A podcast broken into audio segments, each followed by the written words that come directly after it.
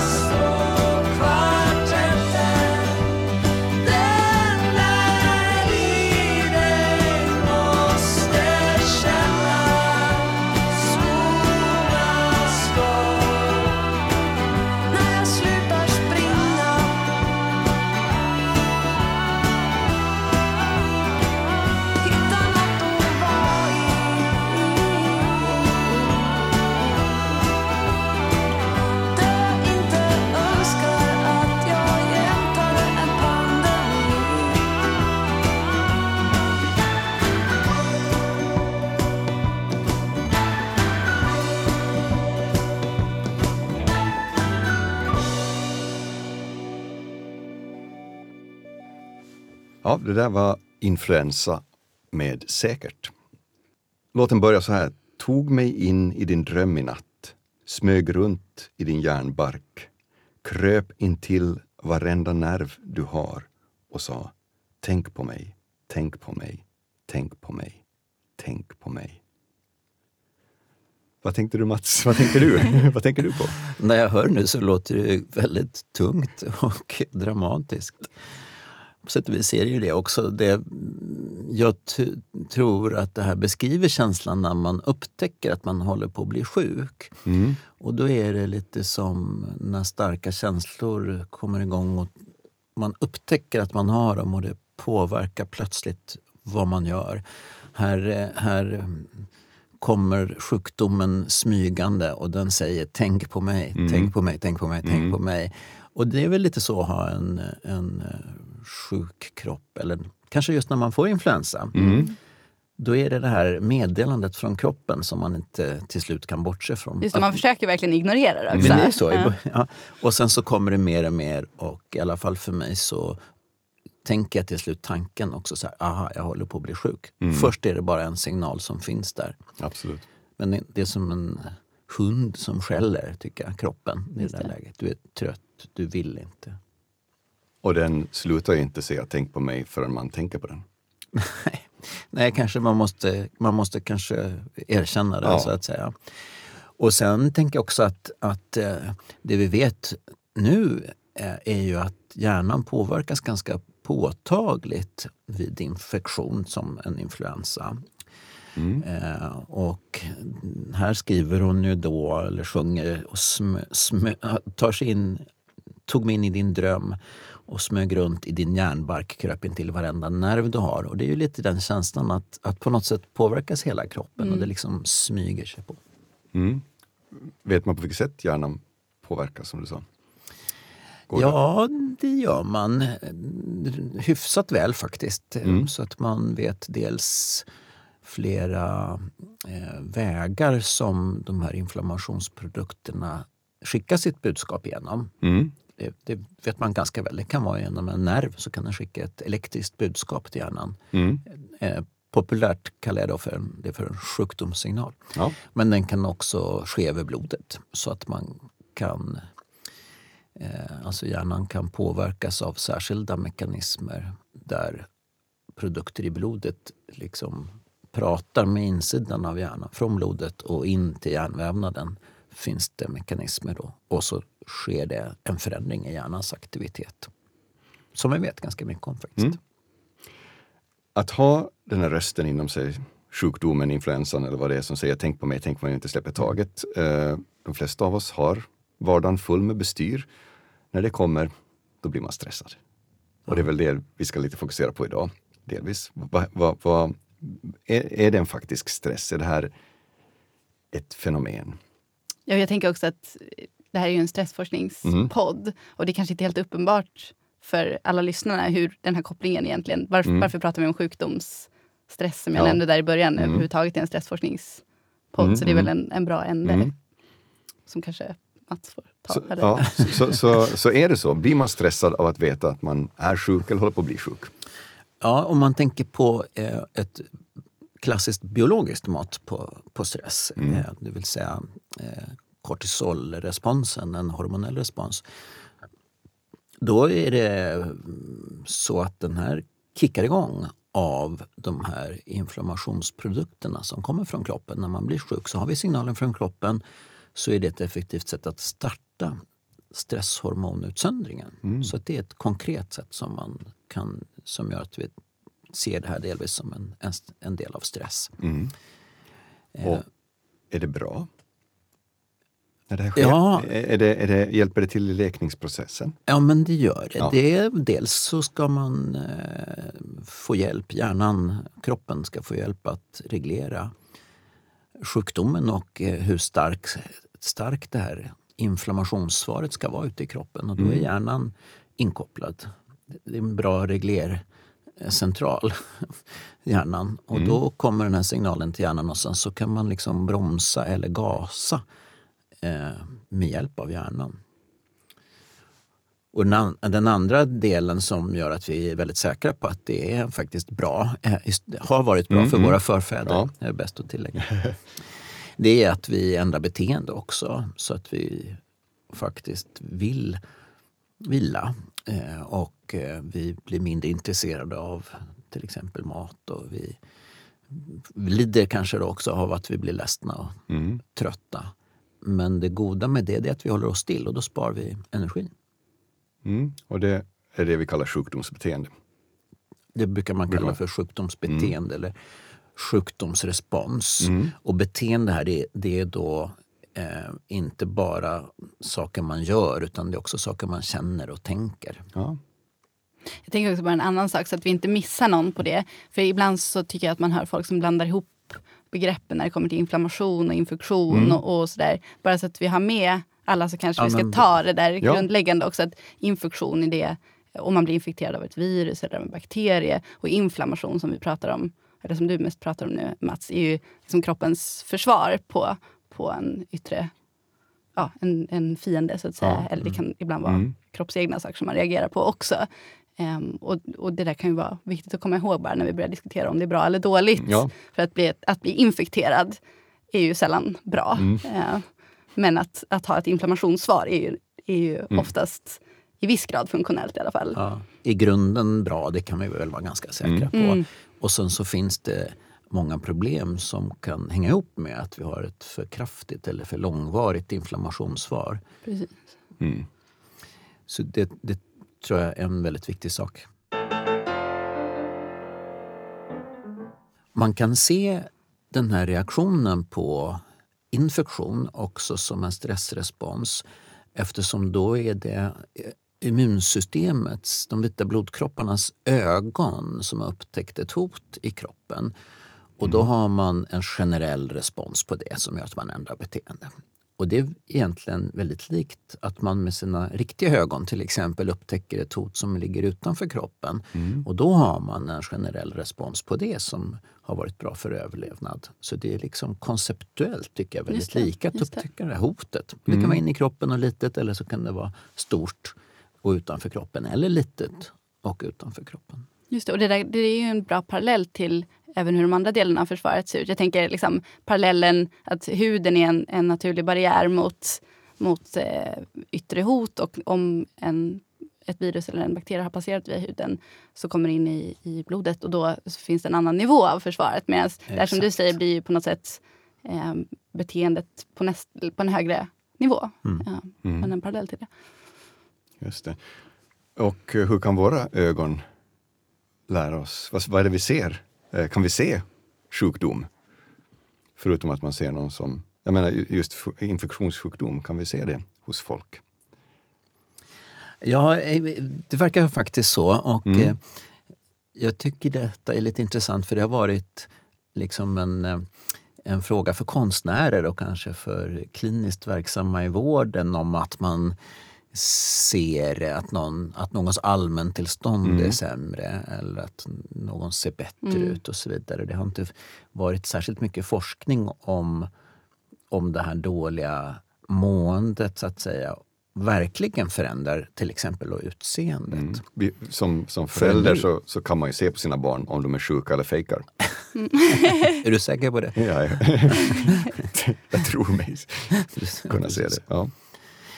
Men det, det, har man börjat forska om med, mm. med vanliga forskningsmetoder. Och man kan titta på färgförändringar till exempel i huden och i läpparna. Mm. har man sett att eh, gul färg, mm. alltså oavsett etnicitet, mer gult och mer rött signalerar hälsa. Både mm. hos människor och djur. Mm. Hos, I människoansiktet så har eh, bland annat vi också sett att man då Eh, man ser väl egentligen lite mer ledsen ut kan man säga. Lite mer ledsen och trött mm. så att ögonen hänger lite grann, är lite mer slutna. Man blir då lite blekare också som sagt. Eh, mungiporna hänger ner lite. Så några av de här aspekterna tycks man bygga ihop till en uppfattning om någons hälsa. Mm. Så att i viss mån verkar man kunna se det här när någon har en inflammationsreaktion på infektion mm. till exempel. Mm. Och sen kan det ju naturligtvis vara så att om man har en sjukdom över längre tid så finns det säkert massor med aspekter som ja, men är för jag, kliniska ja, samma, men? Ja, men Ja. jag sitter och tänker på det. Att liksom de Ja. patienterna som jag har träffat där jag kanske har upptäckt en, en cancersjukdom eller som har haft en, en liksom väldigt allvarlig sjukdom. Att när man tänker tillbaka på den så är det också många som har den här lite mer... Det är något grått i, i huden som man ibland det. reagerar på. Mm. Ehm, Och det, jag tycker också att det ur ett stressperspektiv är så spännande därför att eh, Hans Selye, som man ibland kallar för den moderna stressforskningens fader, Mm. eh, han blev inspirerad till sin forskning och sitt sätt att förklara stress på eh, genom att han tänkte på hur patienter såg ut på infektionskliniken där han träffade sina första patienter. Och då tyckte han att det var svårt att, att se det som var typiskt för en viss sjukdom, alltså ett diagnosspecifikt tecken. Det var inte så lätt. Det var Nej. det de skulle träna på. Det Mm. var ju rimligt. Upp, till- förstå vilken infektionssjukdom de hade. Men han tyckte alla såg likadana ut. De såg trötta och ledsna ut och klagade över ungefär samma saker. De, de hade ont och de var ledsna och det var lite sådana saker. Och då tänkte han att det här var ett, ett generellt svar på, på sjukdom. Och sen när han började med sin stressforskning då tänkte han på de här patienterna och tänkte att det här det som jag ser i mina försöksdjur det kanske är kroppens generella svar på eh, hot. Precis som de här patienterna kanske uttryckte ett generellt svar på ett hot i kroppen. mm. Och vad skulle responsen bli att man ser ut på det här viset? För att eh, kan man dra någon evolutionär slutsats av, av, av detta? Vad, vad hjälper, det, hjälper en åskådare för att känna stress och hålla sig borta? Och, och förhindra smittspridning eller? Eller du, Ja, men det gör, jag tror att det gör det på två sätt. Mm. Det, det ena sättet är väl att det, att det skulle kunna vara en signal. Det vet vi faktiskt inte, men Mm. Vi, vi låtsas nu att det är en signal. Mm. Det vill säga att det finns eh, att det har funnits en fördel för mig att visa att jag är sjuk. Därför Mm. att det är ju det är ju bra om jag vill bli omhändertagen, om jag kan signalera att jag inte riktigt är med i leken och om jag, särskilt för mina de i min egen grupp Mm, eller mina nära släktingar eller i min familj. Visar det så är det en viktig information Mm. även för mig som skickar ut en sån här signal. Så det vet man kanske inte riktigt men man anar att det kan vara så. Och det andra är ju då om det är en, en, liksom en ledtråd för Mm. de som ser att till exempel jag är sjuk. Då kan det vara något som utlöser omhändertagande om, det, om de tycker att en sån som jag Mm. till exempel då, eh, bör tas om hand om. om du är med i flocken? Och exakt så, ja, men det verkar Mm. verkligen vara så. Mm. Det, det ser man faktiskt från experiment. Det avgörs mycket av flocktillhörighet Mm. och grupptillhörighet. Eller om, jag, om man ska undvika mig, därför att eh, smitta det är ju inte bra och då måste det kanske vara den allra mest effektiva delen av immunförsvaret eller av immunsystemet att faktiskt undvika Mm. att bli smittad på en gång så att säga. Men är det inte också en del av de där konsekvenserna som, eh, om man ska vara lite tråkigare, att, eh, så här, om, Och det om vi tycker jag du ska med Sandra. Nej, men jag tänker om, om man har de här konsekvenserna som är en del, del i ens eget sjukdomsbeteende. Att man, blir, att man ska spara energi och man ska inte gå ut för att jaga mat och sånt. Eh, om man gör det, det är nog svårt att se glad och, och peppad ut. Om man Mm. samtidigt känner att man vill ligga i, en, ligga i fosterställning och, Mm. och uh, dricka te kanske. Ja. Eller sådär.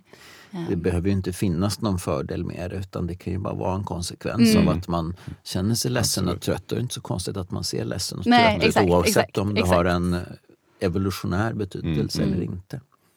Precis, för de här andra delarna, där är vi rätt övertygade om att det har en stark evolutionär betydelse. Just att man, ehm, att man sparar energi och så. Mm. Ehm, så att, Ja. att, att den vägen finns är väl Den, mer den, klar, eller? ja, den tror jag vi kan vara ganska säkra Mm. på. För att eh, immunsystemet, om man då tänker på de vita, vita blodkropparnas aktivitet, det, är- de, det är en energikrävande process. Och det är också kanske ännu mer energikrävande att, att eh, få feber. Så då Mm, bränner man ju mycket energi och vi kan ju gå ner på en affär i det huset vi sitter i till exempel och köpa någonting. Men om vi tänker tillbaka i tiden mm. så kan det här av, verkligen avgjort överlevnad om man hade eh, energiresurser mm. kvar mm. eller inte. Och ska man då börja bränna jättemycket energi genom att få feber då är det väldigt lämpligt att putta på med beteendet. Det vill säga mm.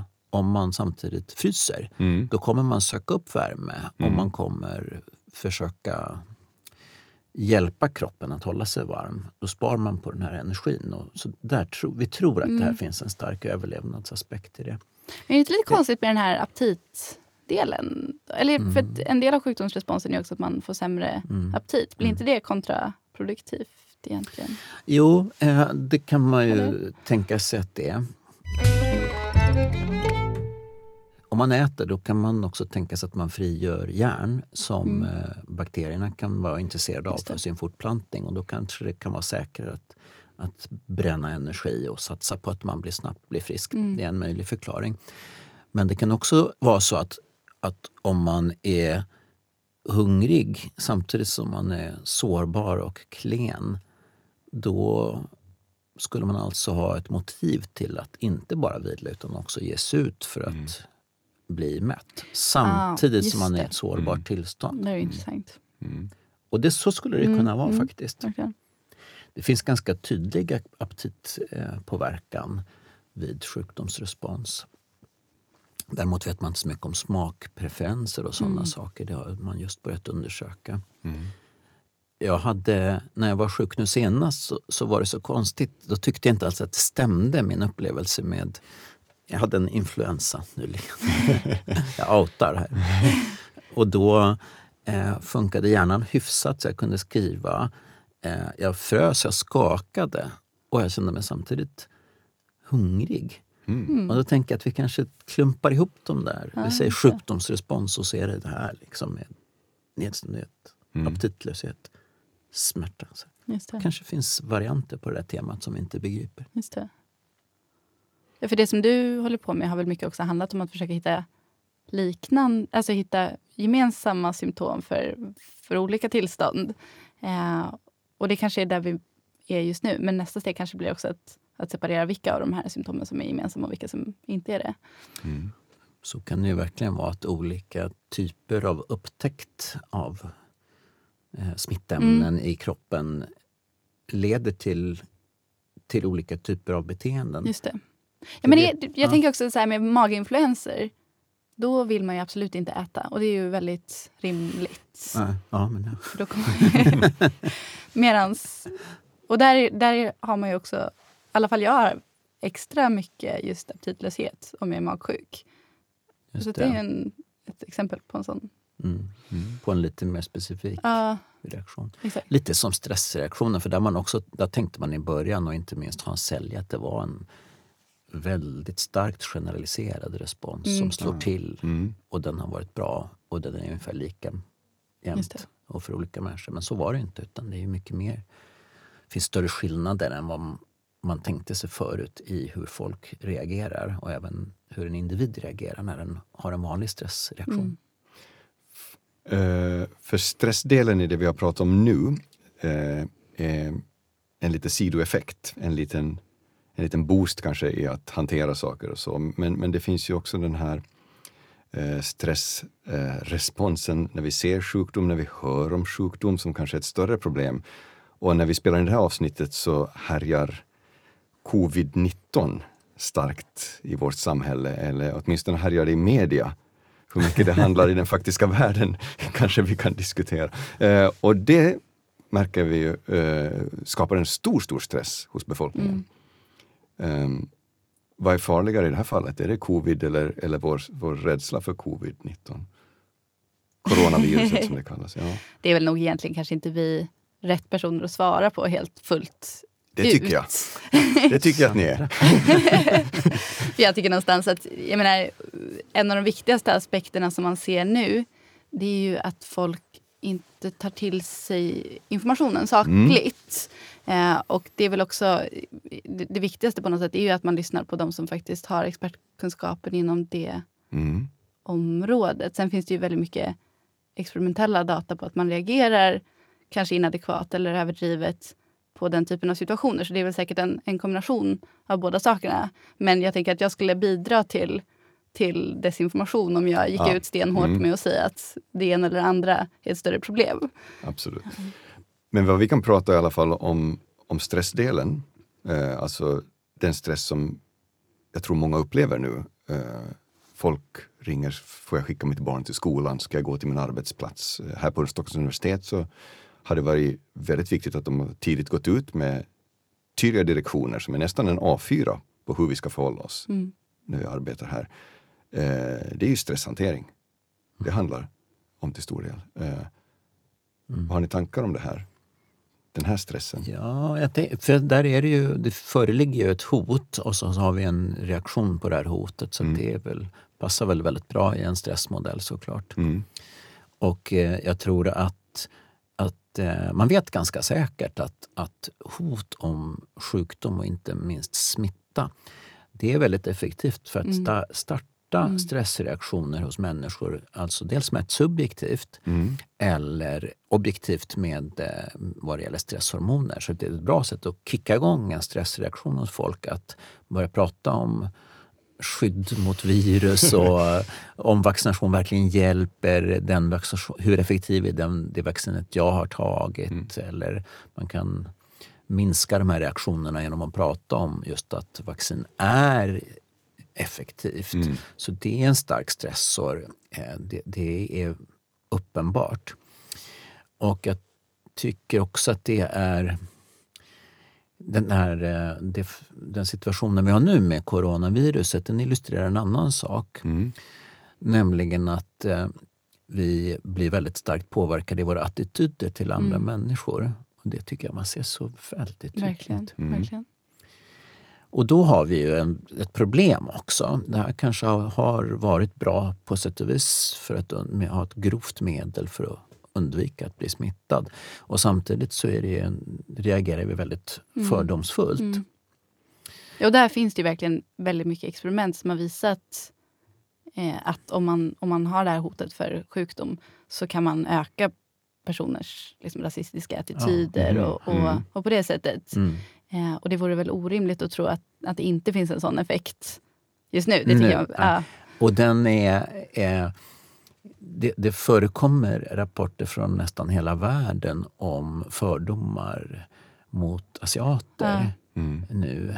Eh, och eh, eh, med, med rapporterade eh, slagsmål och hur, hur eh, folk eh, rent fysiskt undviker de här personerna som misstänks kunna komma från ett land där smittan har, har eh, funnits lite längre än i Europa till exempel. Så att det där kommer från nästan hela världen sådana rapor- rapporter. Och jag tror där att man har, eh, eftersom vi då inte kan se ett virus eller en bakterie med våra blotta ögon. Eh, om vi då jämför med en, en stressreaktion för vi ser en, eh, en eh, arg medarbetare eller någonting annat. Då, då är det normer och, och tabun och, och ytliga tecken på Mm. ohälsa som Ja. vi reagerar på. Då, då, vi, kan inte se att någon, vi kan inte säkert se att någon är sjuk och då går man lite grann på att de ser trötta eller ledsna ut eller eh, att, att det är någonting i deras beteende som tyder på att de skulle kunna vara sjuka. Så Det är ett väldigt diffust system. Och antagligen är det därför det också blir så att vi eh, blir mer fördomsfulla. Vi, vi ser mer till, den, till vår egen grupp Mm. helt enkelt. Och, och som Sandra säger, så när man skrämmer upp folk med sjukdomshot då blir de mer främlingsfientliga till exempel efteråt jämfört med om man pratar om effektiviteten i en vaccination till exempel. Då minskar den där. Så vi kan skruva upp främlingsrädsla med detta. tänker att kanske våra lyssnare skulle vara intresserade om ni hade några tips att hantera den här stressen eh, som man kan uppleva när, när eh, hotet om, om, ett, om en pandemi eh, sprids i media. Ja, just det. Men det är väl det där, någonstans så tycker jag att det kokar ner till att man, man ska försöka ta till sig saklig information och f- vara medveten om sina egna eh, hur lätt man kan bli påverkad. För jag tror att vi alla känner av att vi blir påverkade Mm, i en, en sån situation. Och om man i alla fall vet om riskerna med det så, så blir man nog bättre på att, att eh, hantera Mm. den typen av fördomsfullhet och så. Tänker jag. Jag tänker också att medvetenhet om eh, att den här typen av rädsla och stressreaktion verkligen driver eh, rädsla Mm. på ett överdrivet sätt. Mm. Eh, och eh, attityder mot andra människor. Det kanske är bra att hålla minnet. Är det rimligt att jag går en omväg Ja. runt en person som, Mm. som snörvlar lite? Mm. Jag tänker inte bara på personer med, eh, som ser ut att komma från ett land där det har varit vanligare utan det kanske är våra 30% allergiker Mm. i pollentider kanske inte heller tycker det är så kul att bli misstagna för Nej. en smittspridare. Så en slags sans och eh, Mm. sunt förnuft. Mm. Mm. Då tror jag att, att hanteringen blir mycket bättre. Mm. Och eh, jag menar, följer man rekommendationer också då från de som verkligen vet om hur man minskar smittspridning eller minskar bli smittad så är Mm. väl det Mm. toppen. Mm. Följ riktlinjer, tänker jag. Ja, ja, men verkligen. Mm. Jag, tänkte på det där också. Vi pratade ju om att känna igen att ens möjlighet att känna igen sjukdom hos andra blir uppskruvat av hot om sjukdom. Hur är det med liksom, de det är så. egna signalerna? Alltså blir man mer... Om det finns ett hot om sjukdom, blir man inte mer medveten om sina egna signaler också? Jag tänkte på det som vi Mm. pratade om där i Mm. början. Att, Mm, eh, att man försöker ignorera influensan tills den väl Ja. Mm. slår ut. Om man Mm. lever i ett, i, i ett hot om att bli infekterad har man då också extra mycket vaksamhet på inre signaler. Vad vet vi om det egentligen? Jättelite, det är en jättebra fråga. Eh, de- Den forskningen har egentligen nästan inte gjorts Mm. faktiskt. Så det lever lite separata, det är lite separata spår det här om hur vi reagerar när vi är sjuka och hur vi reagerar för att inte bli smittade eller sjuka. Men eh, eh, det finns en sak som man vet hyfsat väl och som kopplar ihop de här två spåren och det är att, att om vi utsätts för äcklande stimuli på bild eller som vi har testat på lukt, av lukt, äcklande lukter Mm. då, eller sjuka människor, då, då tycks de vita blodkropparna sätta sig i alarmläge och bli mer aktiva. Så att det, det, vi får till exempel i saliven en liten inflammatorisk reaktion, Mm. verkar det som, särskilt av sjukdomshot. Mm. Mm. Och om det sen gör att man... Då är det rimligt att tro att vi lättare känner oss sjuka eller riktar uppmärksamhet mot sjukdomssymptom. Men egentligen den senare delen har man, har man inte testat. Nej. Men kanske då å andra sidan också får en snabbare respons på en eventuell infektion. Så att Jo, man det, faktiskt- precis. Så att antagligen är det så att om man då ser med sina riktiga ögon att, att här har vi någon som beter sig eh, sjukt eller ser sjuk Mm. ut, då är det en bra varningssignal för de vita blodkropparna just att reagera snabbare, som du säger. Men jag tänker, Sandra, när du jobbar kliniskt, eh, du måste ju träffa personer som har mer eller mindre hälsoångest eller Mm. hypokondri. Och det här kanske är relevant för, för dem då? Ja, säkert. Alltså det, det, just nu i coronatider så jobbar inte jag så mycket kliniskt. Nej. Eh, så att jag personligen har inte märkt av Nej. hur den typen av hot påverkar. eh, men, men det finns ju absolut så att det finns vissa personer som är mer mm, lättmottag, alltså som lättare tar till sig den här typen av information och då eh, blir påverkade av ett, ett specifikt eh, ämne. Och Jag tänker liksom att ja, men om, om det är en, en period när många har rädsla för en viss sjukdom så kommer patienter bli uppmärksamma på symptom som kommer vara kopplade till den sjukdomen och söka för det i högre Mm. utsträckning. Mm. Och det tycker jag väl att man ehm, att jag nog ändå har sett en del ehm, i kliniken också. Ehm, folk som har hälsoångest, de, eh, när de ser människor som är sjuka, har vi åtminstone sett i, ett, i en studie, då blir de också mer oroliga för sin egen hälsa. Och de kan, jag vet inte om de känner sig sjukare, det har vi inte testat, men de blir mer oroliga för sin egen hälsa, så det är nog rimligt Mm. det där du, Mm. eller ni säger.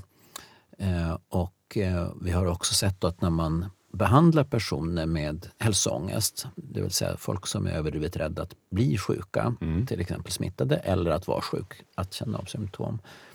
När de har blivit behandlade och är mycket bättre i sin hälsoångest, då känner Och då pratar de vi behandlade för hälsoångesten, inte för symptomen. Alltså, bara så tydligt. Nej, exakt. Då är det hälsoångesten Mm. som man har behandlat med kognitiv beteendeterapi.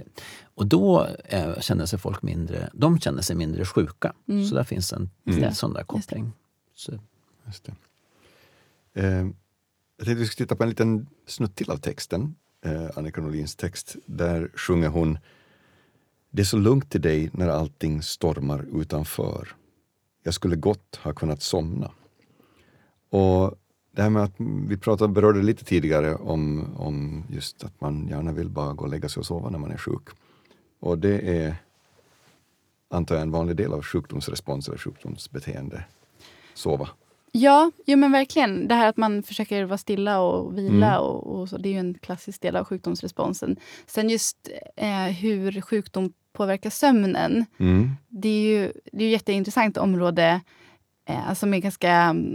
Man får säga att forskningen är lite spretig för att tala klarspråk. Eh, det finns en hel del Det finns ju en del studier gjorda där man, man har sett att, eh, att personer som får en infektion, antingen då att man ger dem experimentellt en, infektion, eller en inflammationsrespons med Mm. eh, inflammationsmodeller som Mats gillar. Ehm, sån, är, sån är jag. Ja, precis. Eh, att det påverkar sömnen. Men åt vilket håll är också lite oklart. För det verkar vara så att man, får, får mer, man spenderar mer tid i sängen men får mer störd sömn.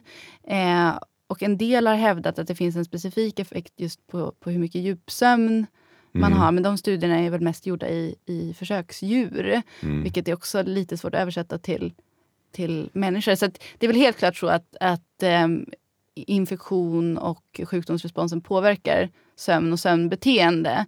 Men ehm, precis på vilket sätt tycker jag fortfarande Mm. eh, inte är helt färdigklarlagt. Men är- men-. Är det så att eh, immunförsvaret jobbar bäst när du sover? Det där är väl också inte helt hundra procent Mm. klarlagt. Det är ju absolut så att man säkert behöver sömn för att ha ett fungerande immunsystem. Men just där finns det en stor eller det finns en skillnad på de kortsiktiga och de långsiktiga effekterna. Mm. För att just liksom en natts kort sömn till exempel, det är också i sig en stressrespons tror Mm. vi. Eller en, Ja, en, ja. stress, eh, en stressor, så att man Mm. får en respons på det.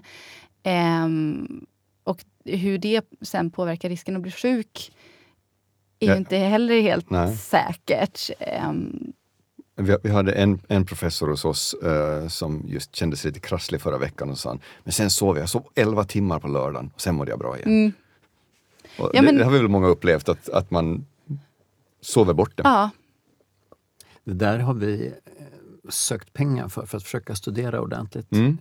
Kanske får vi det någon gång, men det är faktiskt inte studerat. Det, det som är rätt så, väl, rätt så väl studerat det är om man lättare blir sjuk, i, om man får ett förkylningsvirus Mm. och hur mycket man har sovit innan man då exponeras Mm. för det här viruset. Inte massor med forskning, men där verkar det... Förlåt, Ja. ja. Det finns forskning som visar att eh, kortare sömn Mm. eh, innan man blir utsatt för ett förkylningsvirus ökar risken att verkligen bli sjuk. mm, För man blir inte alltid sjuk när man träffar på ett, ett virus. Så där tycks det finnas en del sådana effekter. Men det, det riktigt intressanta skulle ju vara just att påverka sömnen, manipulera sömnen när man har utsatts för en smitta Mm. och se om man då tillfrisknar snabbare. För det är, Mm. det, det är ett antagande som finns där, men Mm. det är verkligen. inte visat. verkligen. Och det vore fantastiskt med tanke på hur vanligt det är med infektioner. Mm. Verkligen. Ett- En annan koppling till det där är att, jag, att eh, eh, personer som har blivit utsatta för eh, ett sånt här bakteriellt stimulus när vi startar en sjukdomsrespons eh, hos Mm. friska försökspersoner, Mm. injicerar ett bakterieämne, bara en liten del av bakterierna, och så sätter igång en sån här inflammationsreaktion som når hjärnan och så känner man sig sjuk i några timmar och sen går man hem igen. Då har folk sagt att eh, de tycker att det här kändes då som att de drömde. Mm. Det, det liksom Mhm. var som, de upplevde det som en dröm. Sjukdomstillståndet, Anekdo- eller? Ja. Så det, hur var det nu under de här timmarna Ja. när du hade inflammationsreaktioner. Jo, men jag kände mig sjuk eh, och eh, de kanske hade lite ont i huvudet Mm. eller någonting sånt där. Och så upplevde de det som, lite som ett drömtillstånd. Mm. De var medvetna om att ni skulle göra det här? Eller visst var det... Alltså jag menar, jag förstår att de var medvetna. Och vi lurade dem. Men, men sa ni att, Ja. att de kommer att få en smitta? Så att eh, Ja, de, fick, de hade också ett, förstår. ett stresspåslag även säkert. av det. Men, ja. men, men intressant. Eh, Ja, och de- ja precis. Och de, en del fick ju placebo. Då, Ja, det var det jag tänkte, ja. Och andra fick då det här aktiva Just det, ämnet. just det. Och då ser vi stora skillnader Ja. mellan de som har fått aktiva ämnet och Mm. de som har fått placebo. Just det. Och så så här, ja, det är något drömligt. Jag tycker jag Mm. kan känna igen mig Ja. i det här. Man tappar lite grepp om tid och rum. Man påverkas kognitivt Ja. när man är sjuk.